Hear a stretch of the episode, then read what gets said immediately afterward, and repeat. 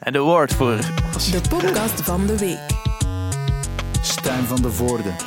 Ja, goeiedag iedereen. Het is uh, al gestart met een kuch en een lach en iets over awards. Dat wil zeggen dat we recht aan kunnen beginnen. Een uh, goeiedag dus Milo Meskes en ook Leonard Korevits. Hoi, hoi. Ja, goeiedag. Ik, ik wil mij al excuseren op voorhand, maar ik ben daarnet gestikt in mijn mondmasker, dus er lag een pluis uh, in de binnenkant van mijn mondmasker en ik deed mijn mondmasker aan en die pluis die verdween in mijn, uh, in mijn longen. Ja. En ik moest uh, zo hard hoesten dat ik dacht ik ga sterven. Ja. En heel de redactie van Studio Brussel, dat zijn ongeveer twintig mensen, met Stijn erbij, die zagen dat gebeuren en die dachten van ja, die laat ik gewoon even sterven. En dat was wel even een heftig moment Kijk, om de dag mee te Er starten. zijn ook mensen die onmiddellijk geholpen zouden worden. Bij jou is dat nu niet gebeurd. Je mag dan zelf bepalen hoe dat komt. Ah, wel, ja, het is dat. Ik ga even denken wat dat, dat betekent. Um, ja, de, denk daar rustig over na. Ondertussen ga ik aan Milo vragen, hoe gaat het met jou? Uh, goh, ik, uh, ik zou heel graag enthousiast radiogewijs antwoorden. Het gaat keigoed en alles is supergoed. Maar ik denk dat we allebei eerlijk genoeg moeten toegeven dat dat niet zo is. Ja, als muzikant ben je gecharreld. Dat, dat is eigenlijk... dat, dat zeg pittig gecharreld eigenlijk. Ja. op meerdere manieren, denk ik. ik had het met Lendert er ook daarnet even over. Het, het gaat over meer dan alleen het plastische gegeven. Dat inderdaad, er zijn een aantal shows gecanceld. En inderdaad, het is weer die uh, hangende onzekerheid van is het, is het twee maanden, is het drie maanden, is het zes maanden, is het zoveel jaren dat we gaan toegaan. Ik weet het niet. Ik weet niet wanneer mijn volgende show gaat zijn, wanneer het gaat doorgaan. En dat aan zich zou eigenlijk al genoeg moeten zijn om het kloten te maken nu. Um, maar het is ook gewoon het, het, ja, het feit dat daarnaast dat je een campagne start. Ik heb een deel van mijn eerste plaat uitgebracht in oktober en je kunt daar eigenlijk niet op bouwen. Ik heb nu in een AB een uitverkochte show gedaan. Dat kei tof was. Iedereen was daar mega enthousiast over en ik kan daar niet op bouwen. Ik kan niet zeggen, oké, nu binnen drie maanden sta ik daar. Kom ook allemaal kijken. Um, tegelijkertijd is iedereen nu bezig met platen uit te brengen, omdat we allemaal dachten dat we eindelijk al gingen kunnen spelen. En waardoor er ook een gigantische oververzadiging is op vlak van Airplay en radio en Spotify en, en ook shows waar dat er nog twee jaar moet ingehaald worden aan festival- en clubshows, waardoor dat er ook eigenlijk nergens plaats is bij festivals of bij clubs. Um, en ik wil niet te negatief doen, want ik ben best een vrolijke jongen voor de rest in het leven, maar het is wel echt, uh, ja, het is gewoon dikke kut eigenlijk. Het is niet fijn. Uh, sommige mensen hebben dan wel het geluk gehad dat ze via, sommigen zeggen vriendjespolitiek, hun tour wel proper hebben kunnen afwerken, uh, zonder te veel problemen. Maar wacht, ik ga eerst even, zet timer op vijf minuten. Kijken of dat ook gelukt is. Vijf minuten en bezig met aftellen. Oké, okay. uh, ik had ook, het is maar gewoon verzekerd. Ja, Lennart, wat is jouw mening van de coronatijden? is dat daarom dat je die timer hebt oh, Het is gewoon dat we niet te lang bij corona... Er is zoveel uh, ja, actualiteit. Coro corona... Het is, het, is, ook overheersend en we moeten het erover hebben, voor alle duidelijkheid. En zeker die impact op de muziekwereld is, is zeer heftig geweest. Maar, eer wie eer toekomt, jullie hebben met, uh, met ja, ja, het duo waar dan ook nog een extra figuur bij hoort die niet op de foto's mag en waarvan niemand uh, de naam weet. Er is nog een derde partij ook. Dus maar Janus en jij... Ik denk wel... Robbe of Robin. Het is iets met de R dan. Ja, een, uh, een, een of andere dude die er ergens bij mag staan. Um, die, uh, ja, jullie hebben wel jullie clubtour succesvol kunnen afwerken vorig weekend. Ja, um, met de hakken over de sloot noemt dat een beetje. In de zin van, we hebben hem kunnen afwerken en het zag er dan niet goed uit. Onze lichtman corona, onze geluidsman corona, dus ah. ook met de B-ploeg er naartoe trok. Mijn broer zijn lief corona, zij hebben dan apart geslapen, zodat wij geen corona gingen hebben. Um, en dan was het plots met mondmaskers. Hmm. En dan inderdaad ook zo depot-show die al twee jaar uitverkocht stond, waar dat er dan zo 20% no-shows waren. En dan uh, Trix was dan heel goed. En dan de laatste was zaterdag. Dus wij de vrijdag zo, ja, de nieuwe maatregelen gaan in. Dus we zijn gejost, we kunnen die laatste show niet meer doen. En dan zo, ja nee, dat is de enige regel die pas vanaf maandag ingaat. Wij zo, ah, dan kunnen we toch de show morgen doen. En dan hebben we die gedaan en dat was uh, fantastisch. Maar het voelt wel zo wat dubbel, omdat je weet van oef, we hebben het kunnen afronden. Maar voor, ja, de, voor de rest, ja, je, je weet van ja. ja. het, is zo, het is zo kloten en zo. Ja. En dan hoorde Jan Bon die zo zegt van ja, nee, we gaan ze, we gaan ze helemaal schrappen. En dan denk ik, dude, echt zwijg. En, en dus, Je- je Stanny zei er- Kretz zei van dat is inderdaad iemand die een keer geen voeling heeft met, met het veld. Ik- Dat is zacht uitgedrukt wat hij zei. Maar ik denk En- dat Sandy Kert zich vooral ook eh, druk maakt over het feit dat, dat je mensen even het gevoel geeft van doe maar. En hij heeft doe maar investeringen ook om in première te kunnen gaan. Ja, ja. En ze hebben die investeringen dan last minute gedaan van het gevoel van oké, dat, dat mag dan wel zittend. En plots blijkt dan dat het eigenlijk helemaal niet, niet meer mag. En die investeringen zijn wel gebeurd. En het, het, is, het is waarschijnlijk zo dat er effectief in de politieke wereld niet altijd goed ingeschat wordt hoe mensen zich voorbereiden op een tour en op een show enzovoort. Dat vooral, ja. Ik denk ook het feit dat het om de twee dagen, letterlijk om de twee dagen verandert, zorgt ervoor dat iedereen zich elke keer aanpast aan een nieuwe maatregelen. En we zijn ook een sector die zoveel moeite heeft gedaan om alles proper te kunnen, ook van de zomer, met al die COVID-safety cat scans en weet ik veel wat. En in 2020 in die zomer, en, en met bubbels en tekeningsjes op de grond en al die toestand. En om dan te gaan zeggen van, ja, nee, we gaan het dan toch twee dagen later allemaal aflassen. En ook niet spreken over, oké, maar dan gaan we zo steunmaatregelen opzetten, zodat jullie dat ook overleven. Dat we, dat we binnenkort wel die sector nog kunnen gebruiken als alles terug open gaat. Ja. Ik vind vooral het gebrek aan zo'n perspectief en het gebrek aan ondersteuning en het, het stiefmoederlijk behandelen. Want uiteindelijk, wat mij enorm heeft gestoord in de coronacrisis, in zo de eerste zes maanden, I didn't really care. Ik had ook genoeg opzij gezet en ik was zeker niet een van de mensen die juist een plaat had uitgebracht en die juist dik in de merde zat. Dus ik heb heel veel moeite gedaan om vanuit thuis uit, vanuit mijn eigen studio, livestreams te gaan doen en voor goede doelen en voor kinderen in armoede en heel die zever. En op het moment dat wij nu eigenlijk zelf een goed doel aan het worden zijn, waar dat het echt gewoon voor zoveel muzikanten en, en deel van mijn crew en, en zalen, dat, dat het gewoon echt, ja, het, het water niet aan de lippen, maar, maar twee meter hoger staat, dat er dan nog altijd zoiets is van, ja, mannen zoekt eens een echte job. Ja. Dat stoort mij wel enorm. Dat Zijn jullie, enorm. zijn jullie aan het overwegen om nu een echte job Echt eh, te zoeken ook? eh? Eh, Nee, dat zei ik, dat zei ik niet, uiteraard niet, niet. Maar ik snap het helemaal. En de snelle veranderingen die maken het gewoon frustrerend. Ook. Als ik even voor mezelf mag spreken, vorige week deze tijd dacht ik, het gaat ook bij mijn voorstellingen gedaan zijn. Ik heb er deze week wel twee mogen doen. Morgen, dus op vrijdag, heb ik er eigenlijk ook nog één. Maar ik heb ook geen idee of dat ook door gaat gaan of niet. Het is spannend ook eh, om, om te weten wat er exact Maar en, en, wanneer. hebben jullie ook niet en zoiets snel. van, oké, dus ehm, in het begin was het vrij duidelijk van de coronacrisis, was het gewoon van, Mhm. blijf thuis, kom nergens aan. Nee, dat was zo. Blijf ik, was, ik zat zo, we zaten met verschillende mensen in zo'n appartement en ik dacht zo, shit, mag ik nu de deurklink aanraken? dat was echt zo, zo ver. En dan nu is het zo van, oké, de nieuwe maatregelen, wacht hé. Eh, waar kan ik ze vinden? Kan ik naar de site van de VRT gaan? Oei, de site van de morgen, ah, daar is precies toch iets beknopter, maar dat staat er dan niet in, dus dan moet ik dat daar zoeken. En ik, ik was met Brihang aan het sturen van, ja, ik zie nu in de morgen dat er staat van, dat toch niet boven de 50 man zittend mag doorgaan. En hij zo, what the fuck? En dan, ja, maar ik zie dan ergens anders. Dus het is ook zo... Ja, ik weet het niet. Ik, zei, ik heb het vorige keer gezegd, ik, ik heb mij nog nooit zo'n debiel gevoeld met die gsm in mijn hand. Zo van, ik kan er niet meer mee overweg. Niemand raakt er ook nog aan uit. Hè. Dat is inderdaad, in het begin was het simpel. Oké, we blijven gewoon twee maanden binnen en, en je gaat alleen maar naar buiten als je naar de winkel moet. Ja. Maar eh, oké, dat, was het, dat was het dan. Dat, dat, dat ik over corona. Nee, nee, eh, absoluut. Ik snap, ik snap helemaal wat jullie zeggen ook, want de- we- we worden ermee geconfronteerd. Maar ook voor de mensen die misschien niet zo onmiddellijk eh, zelf actief zijn in de muziekwereld, maar wel tickets gekocht hebben voor voorstellingen en die graag nog eens willen gaan, ook naar een concert enzovoort. Zij weten het ook niet altijd. En, ook niet, en sommigen twijfelen ook nog, ja, maar eh, mijn, mijn vader of moeder is een, een, eh, eh, zou een risicocontact kunnen zijn, of zou een probleem kunnen zijn, mocht ik een risicocontact zijn voor hen. Want ze, ze, ze hebben misschien een van wat dan ook.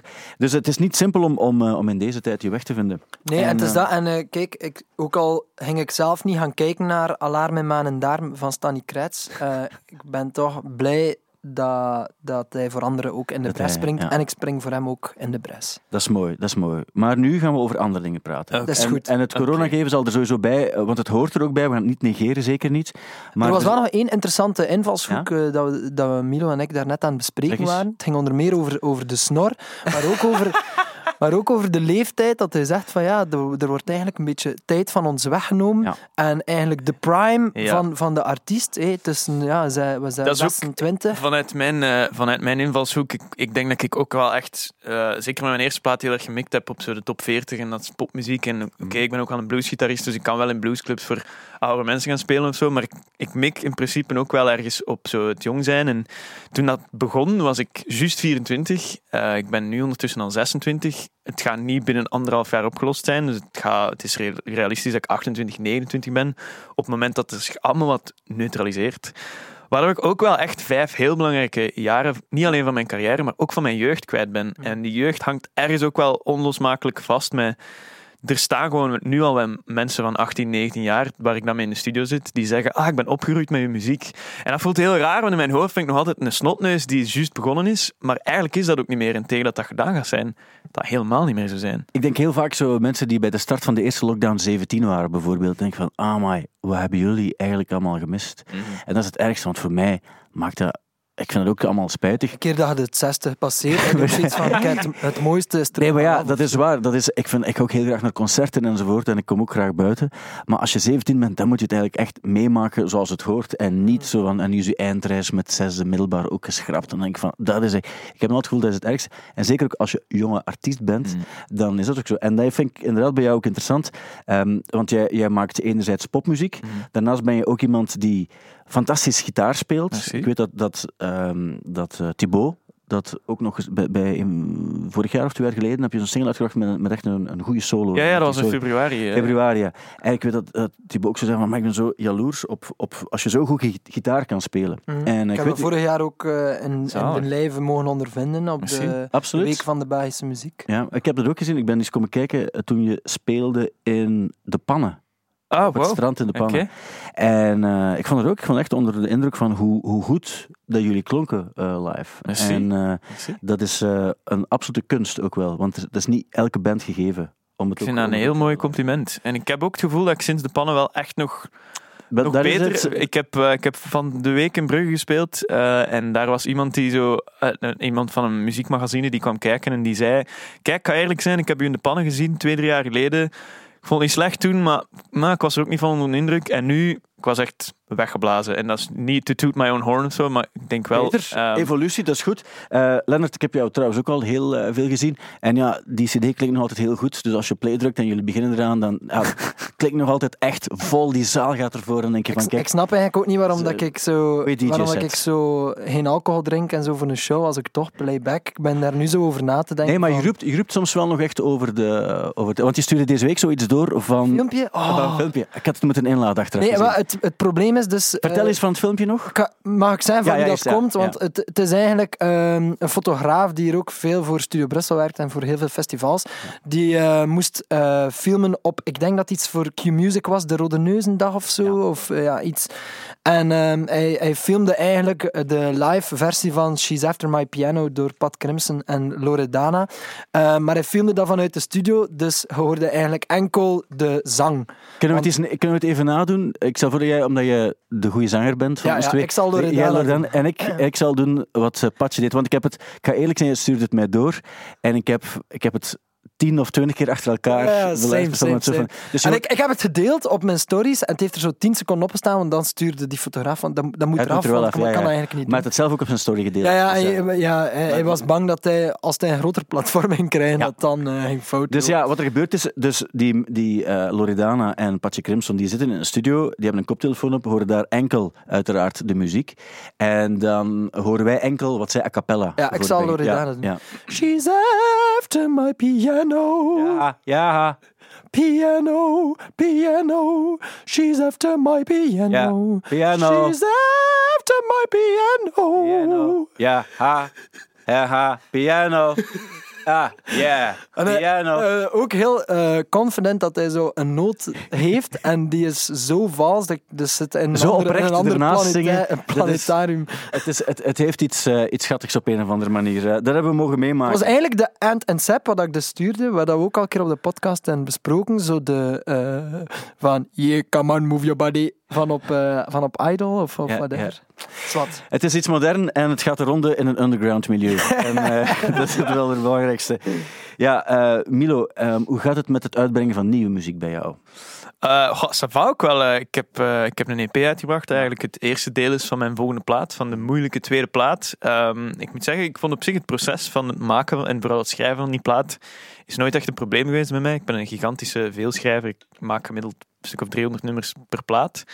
Ehm, het produceren zelf vond ik moeilijker. 300. Dat is Zoiets, een paar honderd. Omdat ik denk, ik, eh, ik heb niet het ego om te geloven dat alles wat ik maak goed is. Integendeel, ik geloof dat er in heel veel van de dingen die ik maak best kak is. Dus ik probeer zo wat goud zoeken te doen. Als zijnde eh, zoveel mogelijk maken en daar de beste dingen uitpakken. Om dan op zijn minst het idee te hebben dat je het beste hebt gemaakt dat je op dat moment kunt maken. Dat, een tip die Ed Sheeran ook in de, zo? podcast van de week heeft gegeven. Slimme trouwens. mens. Eh, ja. Maar ja, goed, het is een, eh, een goede techniek, denk ik, want dan kan je kiezen.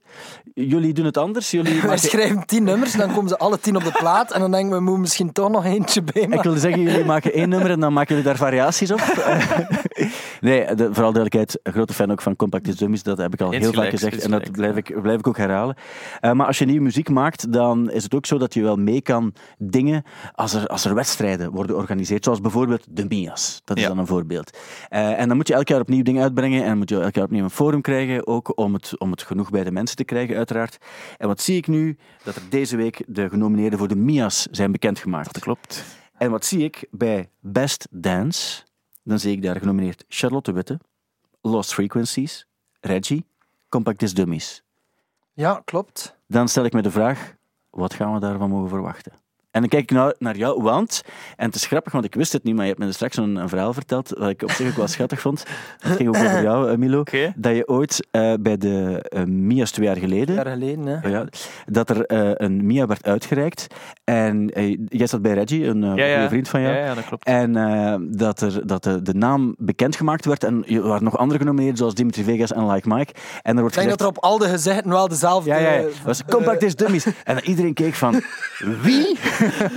en dan blijkbaar de, het, eh, het- jouw aangezicht verbazing ook en, verbazing. En, en, eh, Echt? Blik. Ja. Is dat zo? Wauw. Ik denk dat ik wel nogthans enthousiast geklapt heb. eh. ja, ja, maar je kan, Dat geloof ik, ja. je kan schrikken ook wel natuurlijk. Al was het maar omdat misschien ook veel mensen dachten dat het misschien Dimitri Vegas en Like, Maar wij waren zelf ook geschrokken, dus... Ja.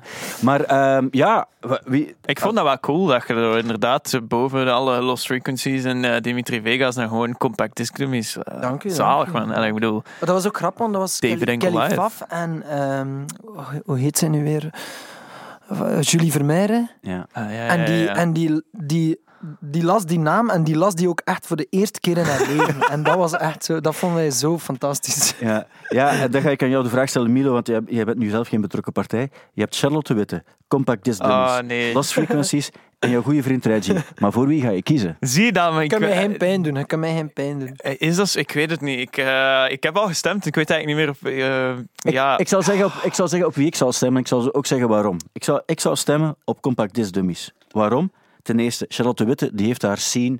En laat ons eerlijk zijn, eh, die is supergoed bezig in wat ze doet. In zo, maar dat is ook ja, dat is goed in, in zo de club en, en de grotere clubs ook. En, en die heeft haar publiek en dat de DJ Mag staat achter haar nummer het is 1. dat, die heeft dat echt niet nodig eigenlijk, nodig. Lost Frequencies, net hetzelfde. Ja, het dat. Ik wist ook niet dat hij nog iets recent had uitgebracht. Ja, ja. Ik denk meer singles, eh, aparte singles. ja. ik denk dat dat tegenwoordig meer is hoe dat die mannen dat doen. Wel, en alle begrip en, en alle eh, sympathie voor hem ook uiteraard.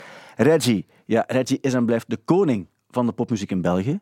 Ik ben pro-Reggie voor alle duidelijkheid. Ik heb hem ook als eerste uitgenodigd in een show op Studio Brussel. Dan mag, Echt? Je, dan mag je hem vragen. Alright. Ehm, D. maar Reggie is, ook, Reggie is voor mij ook, dat is een genre apart eigenlijk. Ik bedoel, hij heeft het hier in België, ehm, hij vult een sportpaleis, een sportpaleis voor hem alleen. Hij heeft zijn, zijn, zijn scene ook. En hij, hij, hij wint dan ook altijd zo, hoe is dat bij Radio 2, hebben ze de, de zomerhit en zo, die heeft hij elk jaar. Dus dan denk ik van prima. Ah, dat is ook niet waar. Nee? Hm, eh, De laatste jaren toch wel, hè? Nee, dat was vooral Niels de Eigenlijk. Ah, en ze hebben nu, nu samen een nummer uitgebracht. Ja. eh, Dit jaar heeft hij het en gewonnen, Dit hè? jaar Ja. heeft het dan gewonnen, maar ik weet dat hij het ook een aantal jaar niet gewonnen heeft. Ja, maar je, je, moet, je moet ook niet elk jaar willen, maar dan denk ik van, wees nu de band die het echt We, het er niet, we, zijn nodig niet, heeft. we, zijn niet, we hebben geen medelijden omdat hij het ook een paar jaar niet gewonnen heeft. Nee, Kom. we gaan- dat gaan we ook niet doen. Dat gaan we zeker ook niet doen. En ook bij Reggie is het, en, en eh, nogmaals, alle sympathie voor Reggie, maar bij Reggie heb ik altijd het gevoel, als hij op het podium staat, hij, hij is de dude waar de spot op staat, dat snap ik ook. Maar in het sportpaleis, dan vraag ik me ook af, wat moet, maar ik vraag het altijd af, ik ben zo gemeen omdat ik er niet te veel van ken. En ik- Bij jullie weet ik ook dat jullie... Gewoon gemeen ingesteld. Ja, ja, dan denk ik ook van, ja, maar wacht eens, Reggie, wat moet, je, wat moet jij nu exact nog doen?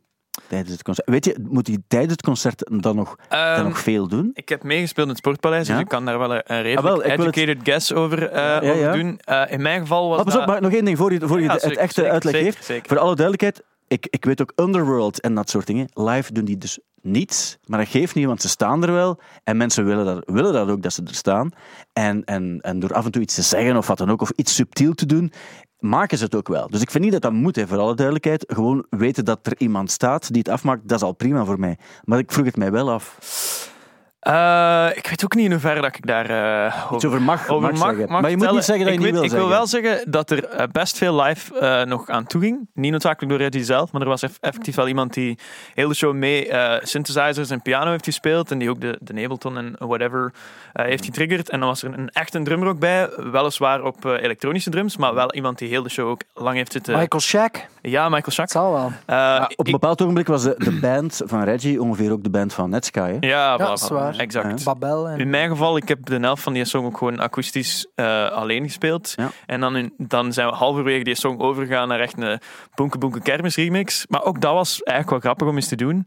Ehm, Reggie zijn aandeel zelf heeft daar wel een keyboard staan waar dat hem wel een aantal dingen op speelt. Ehm, ik denk live dat dat vooral gaat om inderdaad die show te dragen. En, Tuurlijk. En het is is- Tuurlijk, Ik zie hem meer als presentator. Voilà. Ik ben ooit naar Reggie eh, ten tijde van Milk Inc. in Sportpaleis geweest, op uitnodiging toen van hem. En ik ben toen met Siska naartoe geweest nog. En ik weet nog dat dat eigenlijk... ehm, ja, dat er dus, hij zei, ik zag hem ook meer de presentator van, Mhm. van de avond. Het is Die- wel ambiance. Waar, En waar, het, waar het om draait eigenlijk. En absoluut, die sfeer bij zo'n Walk on Water was dan ook, denk ik, eh, alleen op, op piano en zo. Ja. En toen dacht ik wel van, ja, dat is voor, voor wat het hier moet zijn, is dat exact wat het moet zijn. ook, En ik wil ook wel toch even, omdat het echt een heel goede maat van mij is, wil ik hem toch ook wel even verdedigen. Oh, maar wacht, hier, je, moet je, je moet Reggie eigenlijk niet verdedigen, want ik denk dat de mensen ook wel weten waar die voor staat en dat er daarom ook wel een bepaald... Hij is natuurlijk ook, door, door hoe hij zich ehm, eh, soms... eh, Is net zo, je hebt een aantal figuren, bijvoorbeeld Alex Cadier heeft dat ook soms, en die, die, die hebben iets om zich waarbij mensen niet snappen, maar wat voor iemand is dat eigenlijk? En ze kennen die dat niet, niet ze weten niet, ze hebben een bepaald, heel snel een bepaald oordeel over die mensen. En ik denk bij Reggie is dat ook zo. Die, hoe die zich gedraagt, dat is anders dan hoe wij ons gedragen. is. Daarom is hij ook een artiest. Exact. En, ehm, en daarom denk ik ook dat, dat, dat, dat je dat nodig hebt. Want als je niet eens een unieke persoonlijkheid hebt, dan val je ook niet op en dan heb je het ook niet. Dus ik denk niet dat, dat je hem moet verdedigen. Maar je mag hem Dus verdedigen. Verdedigen niet het juiste woord, maar ik wil toch even verduidelijken, want het, het soort stigma dat er wel over hem heerst, is inderdaad, oké, misschien zit hem daar grotendeels gewoon de show te leiden en hier en daar wat piano mee te spelen. Hij is ook genomineerd voor eh, een MIA voor producer van het jaar. Dat is een van de sectorprijzen. ik denk ook dat dat de eerste keer is dat hij daarvoor genomineerd is. En eigenlijk ben ik wel blij dat het daar ook wel de erkenning voor krijgt, want als het gaat over echt studio en schrijven en dat soort dingen, ik weet dat we ooit een radiosessie samen deden. Op het moment dat wij we hebben ooit samen een single uitgebracht, een aantal jaar geleden. En ik had toen twee gitaren mee, just in case dat er met een van de twee iets misging. En ik weet dat wij backstage zaten en dat hij gewoon een van die twee gitaren pakte en dat we een blues jam begonnen te doen. Wat dat je ook niet zou verwachten van Reggie, dat hij gewoon plots ook bluesgitaar kan spelen. Is hij, is hij echt zo'n multi-instrumentalist? Hij kan effectief piano spelen en hij kan effectief gitaar spelen. Is dat de beste gitarist of de beste pianist van België? Dat kan Ja. ik ook niet En- zeggen. Ja. Kan ik ook Ja. niet zeggen. Ja, absoluut. Kan ik ook niet zeggen. Maar wel een gast. Hij kan het wel. Hij kan het wel en hij kan ook echt wel produceren, want hij produceert ook andere mensen in platen of zo. En dat, daar, daar leeft hij ook in op. En dat is ook een gigantische audio-nerd. En die is daar ook goed in. Ik vroeg mij dat dan af, hoe dat, eh, als ze die song had geschreven, hoe dat het dan, had dan effectief bij hem in de studio geweest en dat die song tot leven kwam? Of was dat eerder van, hij had zo een beat, hij stuurde dat op en ik heb daarboven zo... Oh, nee, nee, nee. We zijn toen... eh, dat was eigenlijk niet de bedoeling dat ik die song ging uitbrengen. Maar dat was... eh, we zijn toen op zo wat vakantie naar Spanje geweest voor een dag of twee. Eh, en dat is echt... ja, ik was de avond ervoor, had ik juist ontdekt dat ik bedrogen was geweest. En dat was ook de eerste keer dat ik bedrogen was geweest. Dus dan is dat zo wat kut. En dan zei daar wel echt triest over.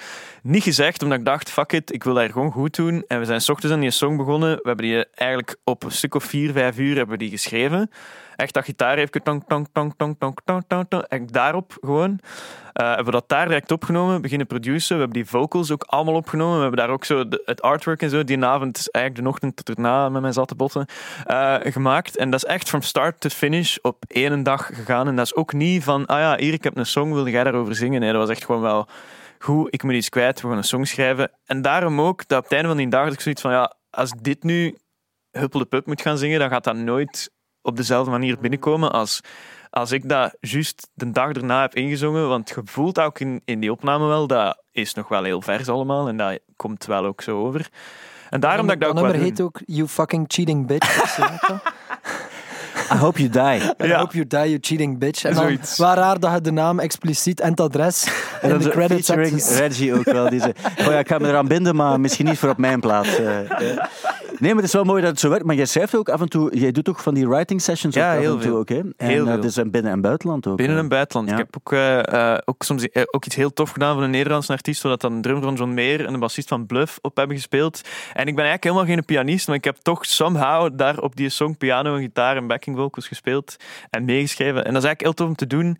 Eh, binnen en buitenland, omdat je, leert altijd wel iets van elkaar als je zo samen in de studio kruipt. En, en ook gewoon, is heel gewoon, zeker in het buitenland, om mensen te leren kennen. En ik heb nu eh, vorige maand in eh, Londen een week gezeten en daar echt met ja, zo de bassist van eh, James Bay en, en Niall Horan en dan de, de writers van Louis Capaldi en Lana Del Rey en Lily Allen. En die zijn ook allemaal heel enthousiast en die hebben ook allemaal zoiets van, oh, je kunt wel echt gitaar spelen en zingen en schrijven. En er is een, een gast die mij gewoon gezegd heeft, weet je wat, je moet, zo één dag is te weinig. Kom gewoon eens een week bij mij logeren. En dat soort dingen, dat kun je niet doen met zo'n keer een meetingske of weet ik veel wat. Een, een writing sessie is echt heel goed om, om eigenlijk drie, vier uur tijd soms om echt te tonen, dit is wie ik ben, muzikaal, artistiek, persoonlijk. Dit, dit is mijn vibe, bijna. Het is eh, vibe is een lelijk woord, maar het, het zegt wel veel over zo het soort charisma dat je hebt en wat dat je uitstraalt en hoe dat je omgaat in bepaalde situaties. En ik heb echt heel goede vrienden ook overgehouden aan soms sessies van vijf uur. En het is in die sessie dat er soms nummers gemaakt worden die dan, waar ook mee geshopt wordt bij bepaalde artiesten die er die er nodig hebben. Ik weet bijvoorbeeld, Alex Callier heeft dat ooit verteld, die deed dat ook heel vaak. En die vertelde dan, eh, op een bepaald ogenblik werkte hij samen met een zekere Cathy Dennis. En daar heeft hij dan die eh, Jackie Kane eh, mee geschreven. Maar het is ook, die Cathy Dennis is ook degene die Toxic van Britney Spears heeft geschreven. En soms heb je bepaalde nummers, die gaan dan, die gaan dan rond. En dan moet jij het hebben. Ah nee, dit gaan we laten passeren. Iemand anders neemt het dan op, neemt het dan wel op en dan wordt een wereldhit. En, en dat vind ik een heel eh, interessante manier. En zo is het altijd gegaan. In de jaren 70 had je dat ook. Hè. Je had dan zo een soort van bureautje ergens in eh, Londen waar, de- waar je nummers kon komen halen als je er een nodig had. Ik wil super graag zo een keer een Vlaamse slagerhit schrijven Ah, voor ja, iemand. ja, ja. Echt zo voor Christophe. En maakt niet uit, mag mega religieus gaan. Ehm, ik, allee, dan komt dat... Dan komt dat... Ja, Dat is ook wel dat gewoon... priesterachtige mij komt dan naar boven en ik zou dat echt kunnen. En ik wil dat graag doen. En dan pro produce ik met mijn broer gewoon die beat ook. Ik denk, als we daar zo even naar zoeken, dat we die juiste sound zijn. Maar het is toch tof om dat ook, om dat ook echt te doen. Ik, vind dat, ik ben heel blij dat je het zegt, want dat is echt waarom dat ik dat leuk vind. Omdat ik ga nooit een slagerplaat zelf maken. En jij gaat ook nooit een slagerplaat zelf maken. Dat weet Maar je dat- niet, hè, Milo. Eh, Nee, dat is waar. Dat is waar. Misschien binnen twintig jaar ga ik terugkijken naar dit moment en denken, godverdomme. Dan, maar ik, zat ik er had toch nooit in. Ik dat hier met mijn slagerplaat? Zeg maar, eh, ja, het probleem is dat Christophe en zo, die luisteren niet naar deze podcast. Dus hoe kunnen we die dan toch bereiken? Maar we kunnen altijd... Je kan Let's make some calls. eh, ja, die, het zijn niet zo, die zijn niet zo onbereikbaar, denk ik. Ze. Er zit altijd één, één stap tussen. Of je pakt gewoon het eh, adresboek van de VRT en daar staat iedereen in. Eh, dus zo kan het ook. Je kan het moeilijk doen of de, je kan de Dat makkelijke was zo. En eh, bij eh, de ideale wereld, maar er, er werkt iemand die daar nu niet meer werkt en die had zo, eh, die had nog meegemaakt, het boekje, het contactboekje. En dat was zo één boekje waarin dat precies zo alle nummers Alles van stond. iedereen die bekend was. Dus dan ging dat zo, bij de S hadden zo een Sergio en ding. En dan ging dat ook van heel belangrijk naar zo wat de C of D. Of zo, wie is dat? Ja, die is ooit vierde geworden in Idol. en dan, eh, dat was zo één boekje. En dat was zo het heilige boekje. En dan als ze zo echt iemand wou bellen, zo van, ach, ik moet naar Niels. En dan was het zo een keer bellen, zo, ja, kun je een keer je boek kopen slaan? Eh, ik heb hier een nummer nodig. Ja, dus op zich ook wel een goed adresboek is mega belangrijk, eh, zeker bij die dingen. Eh, en er komen ook steeds mensen bij. Dat is ook zo. Ook als je naar die nominatie van de Mias kijkt ook, dan zie je bijvoorbeeld bij Best Alternative Balthazar, Mesker en Mees, Sylvie Kreusch en eh, Whispering Sons bijvoorbeeld. Wie, voor wie zouden jullie gaan? Ehm, ik, ik, ik zelf gun het eh, Sylvie wel eh, erg, omdat ik, ze, omdat ik ze wel goed ken. En ik vind dat ze wel een ongelooflijke evolutie heeft doorgemaakt. En qua songwriting vind ik die, die laatste plaat ehm, heel straf. En, en, en ja, ik weet niet, ik vind dat zij... zij zij staat er echt, dat is echt zo een, een dat is echt zo'n figuur en, en die muziek, dat klopt allemaal. En, ehm, dus ik zou voor, voor haar gaan. Ik ga dit Ehm, ook exact laten horen, want volgende week komt ze en dan zal ze blij Ah, zijn ja. met, de, met de mededeling. eh. Oké, goeie Sylvie, eh, maar ja, ze weet het, hè, dat ik van ben. Ik stuur haar. En wat dat heel grappig elke is, dag en daar, zei ik stuur haar elke dag, maar wat dat nog grappiger is, en dat gaat ze misschien ook wel Dat het s'nachts gebeurt. Nee, nee, is dat ik kreeg zo mega veel berichten op Instagram en dus zo stem voor Sylvie in de afrekening. En, eh, en zo van, ja, ze is genomineerd voor de Mia's. En, en ik, ik stuur dat zo naar Sylvie, zo van, ja, ik krijg- er een mega van. En zei ze, oh nee, dat is mijn ma. Dit is het stuk dat ik ga, ga laten horen dan trouwens. Ja, tof. Maar wie, voor, wie zou, voor wie zou jij kiezen, Eh, Milo? Ik vond, dat, ik vond dat een moeilijke keuze, want langs de ene kant, ik vind Balthazar nog altijd redelijk eh, ongeëvenaard. Ehm, in, in Vlaanderen op vlak van, er is niemand die, die eh, en zo'n soort alternatieve cool heeft kunnen bewaren, toch niet van de jonge garde, maar toch tegelijkertijd op een manier... I used to think that I used to think I had it all. Dat is gewoon een mega goede song ook. Dat kan, je kunt dat een popsong eigenlijk noemen, in a way. En ik hoop dat ze dat niet als belediging opvatten. Maar pop is, pop is prima. Nee, maar dat is wel, dat, dat, dat, dat is met recht ook een hit geworden. En ik vind dat is een soort combinatie dat we heel weinig zien. Eh, het is van zo'n soort Deus of zo geleden, in, in, in mijn oog. En ik vind van jonge garde ook al die soloprojecten. Eh ik weet dat ik ooit in, in, eh, in Wenen gespeeld heb met Jay Bernard. Ehm, dat was een soort eh, showcase festival en er was een, een- de zaal en ik moest vlak voor Jay Bernard spelen en ik ben blijven kijken en dat was echt maf. Die komt dan op met zo'n lange regenjas en dat is echt zo gelijk een tovenaar en dat is zo een SPDA-zieks en zo crazy loops en dat is ook met Pomrad en zo en echt een mega goede band. En ik vind dat, die, dat is allemaal heel artistiek en heel cool. En die zijn, die zijn tien keer cooler dan ik ooit ga zijn. En misschien daarom dat ik daar zo'n ontzag voor heb. Maar ik vind dat ook muzikaal gewoon heel interessante muziek. Desalniettemin vind ik ook Mesker Mees wel eh, echt het, eh, het vermelden waard. Dus dat Omdat- Balthazar heeft ook al vijf keer gewonnen. Ja, en we weten ook eigenlijk ook van de laatste keer dat elke keer als Balthazar een Mia wint, dan is het zo... Oh, dankjewel, dit is de mooiste dag van mijn leven. Allee, hè. En dan denk Ik ik, snap het. ik gun het Mesker en Mees misschien dan nog iets harder, omdat hij daar meer aan gaat hebben. Ja, Ja, zeker. Oké. Ja, het zijn allemaal goede bands, anders wordt hij niet genomineerd, uiteraard. Uit is te zeggen, soms worden er ook wel dingen genomineerd waarbij, we, waarbij je persoonlijk kan afvragen waarom, maar dan zal er wel een andere reden voor bestaan. Hè. Eh, ik Zoals Stijn. Ja, bijvoorbeeld, het is niet mijn ding. Maar misschien wel van Die band ken ik niet, andere mensen. Het is niet mijn ding. Het is niet West-Vlaams, dus je gaat het. Het is Het is, niet het is met, West-Vlaams. het is met een gitaar. Met een dus gitaar, het, eh, Oei, met een gitaar, het we vinden het niet tof. eh, niet kennen. Je gaat het niet kennen. Eh, albums, ik, ja, Bart Peters, ook Sylvie weer, eh, Balthazar, eh, Reggie, ook weer. Als wat, we gaan het binnenkort allemaal te weten komen als er waarschijnlijk geen live show zal zijn, maar misschien ook weer wel. Ik, ik hoop van wel. Ik hoop het en ook, ik, maar ik wil ja. er graag spelen. We zijn, ehm, dus Gerrit, eh, als je luistert, please laat ons optreden. Ja. Ehm, samen met Bart eh, Peters. Oh, dat zou ik wel vet vinden. We gaan het allemaal eh, we gaan het zien ergens in februari, denk ik dat het eh, zou zijn. Wie weet hoe het er dan allemaal voor staat, uiteraard. Eh, ik had nog iets eh, voor jou, eh Lennart. Ik ga het nu geven. Eh, je moet wel lezen wat erop staat ook. Dit is letterlijk, ik moest het aan jou geven, maar je mag, het, je mag hier het open doen en, en ook lezen wat erop staat. Het is een brief. Ja. Er staat onder strikt embargo vrijdag 3-12, Dus ja, vrijdag om 8 8 uur. am. De reden waarom de podcast vandaag pas om 8 uur beschikbaar is, heeft hiermee te maken eigenlijk. Omdat we het erover moesten hebben. Allee, Ehm, je weet nog niet waar het Mijn over gaat. Mijn ontslag met een C4, denk ik. Nee, nee, dat is niet het geval. Ik, heb, ik moest Het ook brief, afgeven aan jou van, van de organisatie. Je had gevraagd, kan je het afgeven eh, aan, eh, aan Lennart als je hem zou zien? Want ze wisten zelf niet dat jij naar de podcast kwam. Het, is een, er is- het eerste is een blad, daar staat gewoon mijn naam op. Voor de rest is dat blad helemaal wit. Dat is prima, denk ik. Eh, het tweede is Lokerse Feesten, Ja, 5 tot 14 augustus 2022. Boing. ja, Kraftwerk 3D. Wow, die komen. ja. En Boomchak. Kraftwerk komt met een geweldige 3D-show naar de Lokerse Feesten op vrijdag 12 augustus. En dat willen we jou als fan als allereerste vertellen. Nu, vrijdag 3 december, kondigen we de show aan. En op zaterdag 4 december gaat de ticketverkoop van start vanaf 10 uur. ja.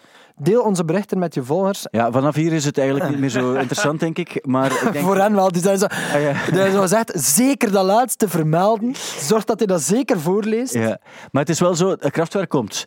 En eh, Kraftwerk, ik, ik lach vaak met Kraftwerk, omdat ik eh Kraftwerk is Er zit ook een 3D-bril bij. Dus is- ik want ja, het- even opzetten. Het is zo'n 3D-show. Heeft er iemand het ooit Ik gezien? heb die al gezien in, eh, in ergens zo'n zaal in België. Ergens in een zaal in België? Ja, en zo'n eh, een, de Elisabethzaal. Ah ja, oké, ja, ja, ja. ja. En, eh, en hoe was dat? Maar je bent plots in 3D's te hin. Dat eh, zou kunnen. We zijn echt... Nee, hoe was, hoe was het toen je, toen je ging kijken? Ja, dat was wel leuk. Ehm, en dat was heel statisch, maar gelukkig door het geluid was zodanig goed en de visuals waren zodanig goed dat het wel fijn was. Dus ik ben wel benieuwd als dat zo rechtstaand is op zo'n festivalweide. Met een brilletje? dat met een brilletje. Toen was het ook met een brilletje. Was dat ook in 3D gemixt? Of- Ja. Of was dat alleen in 3D qua Ehm, beeld? Dat was... mm, Ja, dat was volgens mij ook 3D gemixt. Dat was alleszins, ik weet, geluidsmatig was dat ongelooflijk, dat weet ik. Maar hoe dat, dat dan kwam of zo, dat, dat weet ik niet. Maar ik denk dat ze op festivalweide gaan ze dat wel niet eh, 3D kunnen mixen. Nu, vooral duidelijkheid, er zijn dingen die ik fantastisch vind bij Kraftwerk. Hoe het, er, hoe het eruit ziet, want dat is de reden waarom ik die platen eigenlijk ook gekocht heb ooit. Ehm, ik, je weet ook dat het pioniers zijn. Sinds 1970 maken die muziek. En dat is zo elektronische muziek dan nog grotendeels. Het zijn pioniers geweest ook. eh. alleen is het zo'n zo'n band die zoveel credibility uitstraalt, waarbij je zoveel mensen zeggen van ah, Kraftwerk is voor mij. Waarbij je het van, maar je luistert er ook niet zoveel naar. En, en ik weet nog heel goed, op, toen ze op Pukkelpop afsloten, dan was dat eigenlijk ook zo. Dan was er eigenlijk heel weinig volk aan het kijken, omdat natuurlijk het publiek misschien iets jonger was dan, dan, eh, dan het krachtwerkpubliek gemiddeld. Ehm, maar live is het wel een experience. En dat is wel zot, toch? Er zijn er toch, ik weet het niet, misschien de Rolling Stones en Kraftwerk die nog echt vanuit de jaren 60 zo dezelfde dat je nog kunt gaan kijken. wel zeggen, als ik moet kiezen tussen Kraftwerk of de Rolling Stones, Rolling Stones elke keer. Dat is wel Maar, echt... maar dat heeft ook te maken, denk ik, met een soort van eh, wat, wat je ding is eigenlijk. Ja, ja, bijvoorbeeld sowieso. een Jimmy Ja, maar ik zou, ik, bijvoorbeeld. zou ook naar, ik zou ook naar de Rolling Stones gaan kijken, omdat ik denk dat live gewoon nog, ja, het is iets dynamischer en zo, het is nog anders. Maar eh, ik weet Dat dat, is- je er, dat je er vaak op zit te kakken, omdat je dat, die muziek, dat... dat eh, Nee, dat is niet waar. Ik kan Nee, nee, nee, maar meer er van... niet op. Want, wat ik, Maar wat dat doe bedoel is- ik niet, maar Van de Rolling Stones? Nee, nee, op de, de krachtwerken. Maar dat dat iets eh, eh, muzikaal ook, dat je dat wat voorbijgestreefd vindt, omdat je dat zo wat houterig vindt om daar nu naar te luisteren. Maar- En soms denk ik van, het zijn toch nog heel veel zo... Allee, de model is nu zo het voorbeeld. Maar het is toch nog wel, als dat passeert op radio, is dat wel nog altijd een fijne pop. Dat is een toffe retro pop feel, absoluut. Voilà. Maar wa- wat ik vind, en waar ik vooral mee lach, is de- hoe mensen dat dan, waarbij ik zeker weet van, nou, maar je luistert er niet naar, maar het is fancy om het te zeggen, hoe zij dan zo daarmee dwepen en dan uiteindelijk, ik moest denken aan iemand heel specifiek die op Studie Brussel toen kwam zeggen, ja, ja, ehm, vandaag op, eh, toen, toen ze op Wit. speelde, nee, nee, Jimmy, nee, want Jimmy is hardcore, die is echt, Ja, ja. Die, heeft, die stond toen ze voor het eerst weer echt samenspeelden in, eh, in, in Gent, in de Vooruit is hij gaan kijken ook, was niet in 3D, en die echt van, ik, ik heb kreeg de tranen in mijn ogen. En ik geloof dat ook bij. Jimmy is echt, die is echt. Maar dat is van dat 3D-brilletje, omdat dat... Nee, want dat het was niet zo- dat was- zo dat was niet een ambetant 3D. om daar een uur mee op je kop te zetten. Nee, nee, het was iemand anders die zo eh, kwam vertellen toen de dag dat ze op Pukkelpop speelden. En zeiden van ja, straks ga ik zeker een Kraftwerk zien. Toch de, de originators van de elektronische muziek en bla bla. En ik ben toen gaan kijken naar Kraftwerk. En je kon bijna iedereen zien staan die er toen stond, want dat was niet zo heel veel volk. En ik wandelde dan daarna terug. En ik wandelde voor bij de VIP ook en zo. En, en hij zat daar dan. En daar moet ik vooral om lachen. Niet met het belang van die band. Voor dat, dat, dat erken ik voor de volle 100% voor alle duidelijkheid. En, eh, Durf je te vertellen wie dat was? Nee, nee, waar- nee, het, heeft, het heeft geen zin om, om mensen Maar die is toch al ontslaan, die man, of niet? Eh, maar ik kan u, ja, was wat. Het doet er niet toe. het is niet belangrijk. Eh, wat ik ook nog wil zeggen is: eh, heb je het nieuws over Rihanna gehoord? Ja, ik was daar, ik, ik en eh, heel Twitter was daar echt eh, helemaal van, eh, van eh, ondersteboven. En, maar dan gaat het over. Wel, want er, er, waren, Ah, oei, er ik- waren twee nieuwsjes over Ik weet van niets, ik weet van niets. De, hetgeen dat ik heb gezien is dat ze zwanger is van ASAP Rocky. Ah, Oh. wat ik wilde zeggen is iets totaal anders. maar is ze zwanger van A$AP Rocky? Eh, dat is toch wat er eh, online eh, voorbij is gekomen. Oké. Ik wilde iets helemaal anders zeggen, maar, maar ik geloof het voor alle duidelijkheid, want ik, Ik, ik heb weet het niet, ik zou denken van wel, maar... Het, het zou best kunnen. Wat ik wilde zeggen is, er was dus een artikel, ik denk op Stereogum. En in, in de titel van het artikel stonden twee nieuwsfeitjes vermeld over Rihanna. Rihanna. Het ene was, ze is erkend als Hero of Barbados.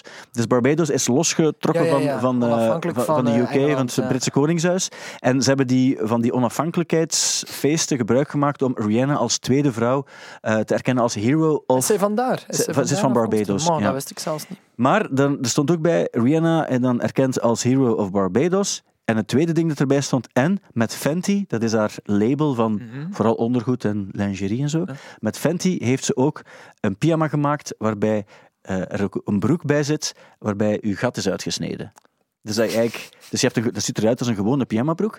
En dan, eh, dus ze heeft het ook aan, ze toont het ook zo met haar, met haar achterste naar de camera.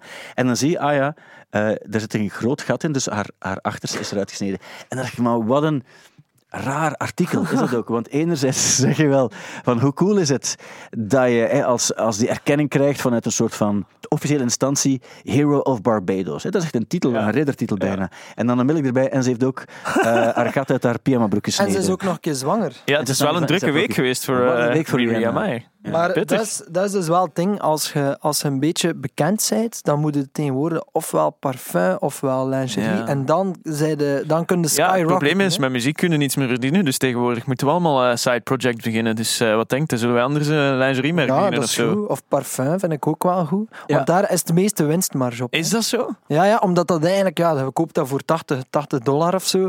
Maar om dat te maken, dat is een euro of nog niet toe. Omdat dat echt Ah, mega cheap is. in het kruidvat eh, stond er ooit een... Ja, ze hebben eh, een keer geprobeerd. hè. De bekende merken, ook exact hetzelfde qua inhoud. Ze hebben, ja, ze hebben nooit ehm, een, een volledig karton met alle... met- dat waren echt ik weet niet hoeveel van die parfums van, van bekende mensen. Circus van Britney Spears en zo. En ik dacht, ik ga die allemaal kopen, want ik vind dat tof, zo muzikaal, bij van die flessen wijn. Ik ben niet, totaal geen wijnkenner en ik drink dat niet noodzakelijk altijd zo graag. Maar ik heb zowel heel veel wijnflessen van bands en zo, die ik dan Ja, ja. bijhoud. eh.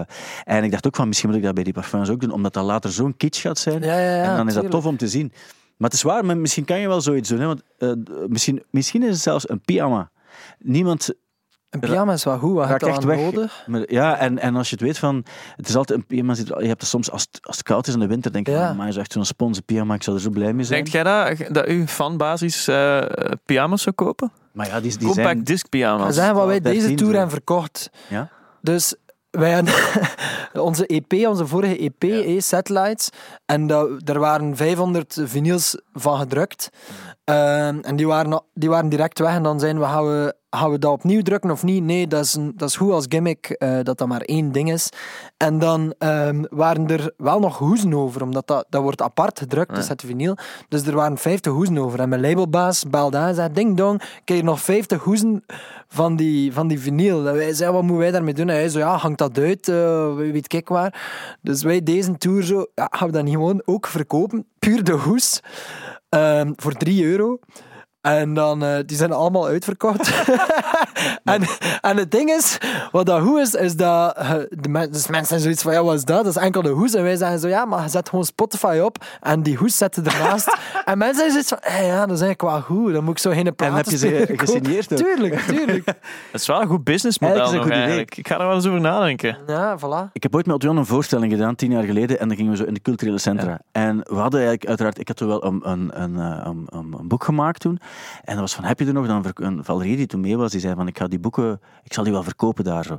En dan heb je nog iets anders, kunnen we iets anders van merch of zo voorzien? En dan was van, oh, nee ja, waarom zouden mensen iets kopen zo?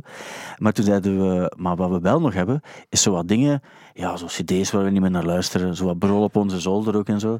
En Valerie zei toen, die toen de shows boekte, zei toen, ja, maar, ja, maar dat kunnen we niet... En zeiden wij, ja, jawel, we gaan een, dus elk, elk een cover, coverbox meegenomen met allemaal brol van onze zolder ook en zo. En boeken die we niet meer nodig hadden. En Maar wat, van, andere mensen ook? Of Ja, ja, goed, ja, wat er iets met echt zo... Maar dat is zo. Morrissey die zo een plaat van de Rolling Stones signeert en verkoopt. Dat vond ik fantastisch. Fantastisch. fantastisch. Ja, geweldig. Wel, Maar wij waren Morrissey toen voor zelfs op het ogenblik, zonder dat we het wisten. En we hebben toen eigenlijk gewoon allemaal echt een, wat je normaal zo op een rommelmarkt zou meegeven, hebben we dan gelegd. En dan bij ook een aantal van die dingen een enorm hoge prijs bij. Dat was bijvoorbeeld zo een, eh, een vaas of zo. En dan stond er zo 350 euro. Om toch het gevoel te geven van, ah, oeh, er zitten nog goedkopere dingen bij ook. en dan verkochten we soms zo, eh, eh, verkochten ze soms schoenen die we niet meer droegen bijvoorbeeld. En, dan en de mensen kochten dat dan. Wij hebben, Dus, wel- wij hebben één keer een fout gemaakt om zo 3D-beeldjes van onszelf te laten printen toen dat dan nog super duur was om te doen. Dus dat was 40 euro per beeldje om dat te maken. Maar dat is, zo, dat is ook zo niet 3D-plastiek. Dat is echt zo, als je dat laat vallen, is dat kapot. En ehm, dat was toen met de vorige, met, met de plaat 2016. En dan hadden we daar 40 poppetjes van. En deze tour was de laatste dag dat ze eindelijk zijn uitverkocht. Ah, ja, ja. Dus dat heeft zo lang geduurd, omdat dat, maar nu zijn ze allemaal weg. Omdat zo, ja, of dan eh, Adriaan van Nove heeft een, dus die, ik weet bij hem staat dat op zijn ding, maar zo mensen sturen ons dan, ja, het is gevallen en het is kapot. En dan denk ik, ja, moeten wij nu een ander opsturen? Want dan maken we nog meer verlies. Maar zo die merchandise is op zich wel... Ik vind dat ook tof als, als dat bestaat. Als, als je ergens komt bij een band waarbij je het gevoel hebt van... Die vind ik echt goed. Ik ga die niet noodzakelijk altijd iets kopen, maar ik vind het tof. Zo'n merchandise stand, dat heeft wel Ik iets. vroeg mij af, bij u, like, eh, bij u is dat heel erg, ook jong publiek, veel Spotify en zo. Heb je ook veel vinyl of cd's? Maar of... ik, eh, ik ga je zeggen, nu mijn laatste show in de AB, ehm, eh, een paar weken geleden, ehm, je zou denken van, ah ja, oké, ik heb tote bags mee, omdat ik dacht, ah, dat is cool, hip, jonge mensen vinden dat tof. Ik vind dat tof om tote bags te hebben, maar nee, hè, die, mijn cd's, mijn vinyls, allemaal uitverkocht en ik heb nog 300 fucking tote bags. Ja, want je zou denken, dat is dan één kopen om die plaat in te steken. Dat was zo altijd, altijd mijn ja, ik ben dat gewoon zo beginnen, zo, ah ja, koopte een cd en een vinyl, hier, een tote bag gratis. ik voor mij, ik heb een tote bag, nu om eerlijk te zijn ook, als, als ik een tote bag krijg, ik weet niet wat ik daarmee moet doen. Dat is het altijd probleem te is ook klein om... dat je de titel van je nummer Shut Up Bitch, You Cheated on me op die tote bag hebt gezet. Dat zou een goede titel zijn. Buy more tote bags. More En dan zeggen van ja, en als dat een hit wordt, dan weet je. Maar een tote bag, denk ik altijd, is te klein om in- in- naar de GB te gaan. Dat is. Ja, een GB-bag zou dat eigenlijk Een moeten maken. GB ja, bag. dat, dat, Hey. dat, zou ik nog snappen. Ja. Deep freeze Ik bag. moet wel zeggen, mijn, mijn lichtman, eh, die heeft wel iets heel geniaal gedaan. Die heeft gewoon, die heeft zo zijn eigen logo van zijn bedrijf en zo. En die heeft dat op vrouwenonderbroeken laten, laten drukken. Ah, ja. En dat is dus elke keer als hij zo een knappe vrouw tegenkomt en zegt, hier, een onderbroek. En dat is, je zou er echt van verbaasd zijn van hoe goed van een openingszin dat dat is. Hier, een onderbroek. Ik als dat werkt, dan ben ik daar effectief inderdaad van verbaasd. Dat is, eh, ja, ja, echt. Dus mijn volgende idee voor merch is eigenlijk eh eh, vrouwenonderbroeken. Dat is een goed idee. Ja, we zien ook vanuit de studio op dit ogenblik, het sneeuwt. Ja, het sneeuwt. Het is volop aan het sneeuwen. En dat doet me ook een beetje terugdenken aan wat er gebeurd is in eh, de Ten Hill Inn in Yorkshire. Ik weet niet of je het gehoord hebt. Nee. Dat is een, eh, de hoogste pub in de UK. 528 Ja. meter boven zeeniveau. Dat is niet gigantisch hoog, maar wel hoog genoeg als het sneeuwt om net iets meer sneeuw te krijgen. En eh, ja, Milo, je hebt, je hebt gehoord wat er is gebeurd. Ja, ik vond het nog wel geniaal. Eh, er zijn dus mensen vier dagen, denk ik, eh, ingesneeuwd in een café. En je zou dan denken zo, oh nee, we zitten vier dagen in een café. Dat die mensen daar zo helemaal eronder doorgaan zijn. Alle mensen die geïnterviewd zijn, hadden zoiets van, nee, dat was kei tof. We hebben filmpjes gekeken, we hebben gezelschapsspelletjes gespeeld. Eh, ik had een tijd van mijn leven gehad. Dus hoop dat het binnenkort nog eens is. Dat is exact wat er is gebeurd. Nu, je bent het, het allerbelangrijkste nieuws daarbij wel vergeten. Oei, sorry. Ze waren ingesneed en de reden waarom er veel volk was op dat ogenblik in die pub, die niet noodzakelijk heel groot was, was het feit dat er ook een concert was die avond. En weet je nog van wie? Nee, nee. Liam Nee, Gallagher. Het was, het was, een, nee, het was een concert van, en eh, de exacte naam is Noasis. The UK's number one Oasis tribute band. En marcheert, ik weet niet hard in Engeland. Ja, en zij hebben ook, en voor sommige mensen is dat een ramp en een probleem. Voor anderen, en dat waren dan degenen die er bewust voor gekozen hadden, niet. Maar die mannen hebben er ook ongeveer vier dagen lang Oasis aan, het spelen geweest in de, in de sneeuw. Waardoor ook eh hashtag Snowasis heel hard eh rondgegaan is. Oasis, dat is goed. Die moet echt de naam veranderen nu. Ja, en zij zijn op dit ogenblik nu, daardoor hebben ze een boost gekregen en ook heel veel eh, interviewaanvragen hebben ze gekregen door, de, door de, de nationale aandacht die ze gekregen hebben. Ehm, in de jaren 90 had je No Way Sis. En zij waren de, de, de, de door Oasis erkende band. En ze hebben op een bepaald ogenblik... daarnet was zij daarnet toch ook No Oasis? Nee, dat, is, dat was No Oasis. De band waar ik het over had in de jaren 90 was No Way Sis. Ah, En zij, en er zijn zo beelden geweest op MTV dat, dat die zanger dan ook les krijgt van, eh, van Noel. Die zegt van, nou, jullie zijn de tweede beste band op aarde op dit ogenblik. en ehm, ze, hebben toen ook een, een, eh, ze hebben toen ook de hitparade in Engeland gehaald met, eh, met zo die, een cover van zo'n Coca-Cola reclamespot waar eigenlijk Noel uitgepikt heeft ook voor een, van, voor een van zijn nummers. En ze hebben toen ook de gitaar gekregen van Some Might Say. Dus Noel heeft toen gezegd van, dit is de gitaar waar ik Some Might Say opgeschreven heb in een clip en zo. En die... Dus de tribute band die krijgt niet altijd het respect dat ze verdienen. Soms is dat terecht ook, want ik heb ook naar beelden gekregen van eh Noasis, dus van de, Aha. de sneeuwmannen. En dan dacht ik van, ah, die zanger is eigenlijk best goed, goede muzikanten Ja? ook. Maar dan eh, speelden ze Acquiesce of zo was het. En dan had je, dacht je, die, die Liam, eh, denk je, wauw, goed gedaan. Goed, ah, het ziet er ook wel nog cool uit zo. En dan daarna heb je het stuk dat die Noel moet zingen, zo'n Puffy Noel. Die dan denk je van, ja, nee, nu ben ik het kwijt. Ik Ah, maar tribute bands zijn zo goed. Ik weet zo, een paar jaar geleden op de, op de Gentse feesten. En ehm, de- de- ik woonde zo, ik ben nu verhuisd, maar ik woonde zo aan zo een pleintje waar dat, in, in Gent, aan het Graafsteen, waar dat je altijd zo de schraalste, marginaalste coverbands zag. En dat was zo goed, want wij gingen daar naartoe, dus met Boris van Severen een keer een avond. En, eh, en wij waren zo, ja, we waren vrij zat. En dat was een U2 coverband. En wij, hebben- wij hebben zo gedaan like, dat wij zo mega, mega fan waren. Dus dat wij riepen ook altijd, wow, no edge, no edge. Ja, we zijn een grote fan. Hé, en, eh, Het was No Edge, was de naam ook. nee, wij hebben die toen verzonnen. Omdat, Dat leek ons goed om zo voor iedereen zo wat tweede naam. En eh, dat was ook Bueno in de plaats van Bono. Dat was allemaal, ja, en, eh, en die vond dat de max. Dus die wij zo handtekeningen gaan vragen na de show en zo. En ook zo die Edge, dus die had dan wel zo'n muts aan en zo'n bril. Maar dan zo, ja, toch 80 kilo te zwaar. Dat ik, niet van, ja, ik weet waar jullie naartoe willen, maar zo die kleren die ze dan in de, de Action of zo gaan halen, of bij AliExpress bestellen, die zorgt ervoor dat het echt eh car- carnavalesk wordt. Het was, ook eh, met, het was ook met visuals en allee, het was echt. Het was wel goed, een. Uiteindelijk kan je zeggen dat het een goede show was, maar, maar- doordat je weet welke nummers dat er allemaal gaan komen, zit die vibe like al goed of zo. Je wilt like wel blijven kijken, maar je denkt zo, ik ben benieuwd hoe dan ze. elevation aan doen of hoe dat ze Ja, dat, is het. Ik ben ooit eens... Ik, ik moest ergens zo draaien. Het was op een of ander zo feest van iemand die, ah, die, die 40 was geworden ook of zo. En die wilde dan een festival organiseren. En die, die had eh, financieel stond hij er niet slecht voor, denk ik. En ehm, er was, het was in... ehm eh, hoe heet het nu weer daar? Eh, Wat doet er niet toe? In een, in een, een, een toffe zaal in België eigenlijk nog. Ah, nee, Ancien Belgique, dat is Nee, nog een toffe zaal. Is dat een vrij toffe zaal? Ja, ja, ik vind dat wel. Ehm, Emilio, ja. Die niet over te klagen, nee. Die, die, die was het niet. Het was een nijdrop in Opwijk. Ah, zalig. Ja, en op een bepaald ogenblik eh, Kijk, was van ja, ja, en nu komt er eerst een, eh, een, een tribute band voor Rage Against the Machine.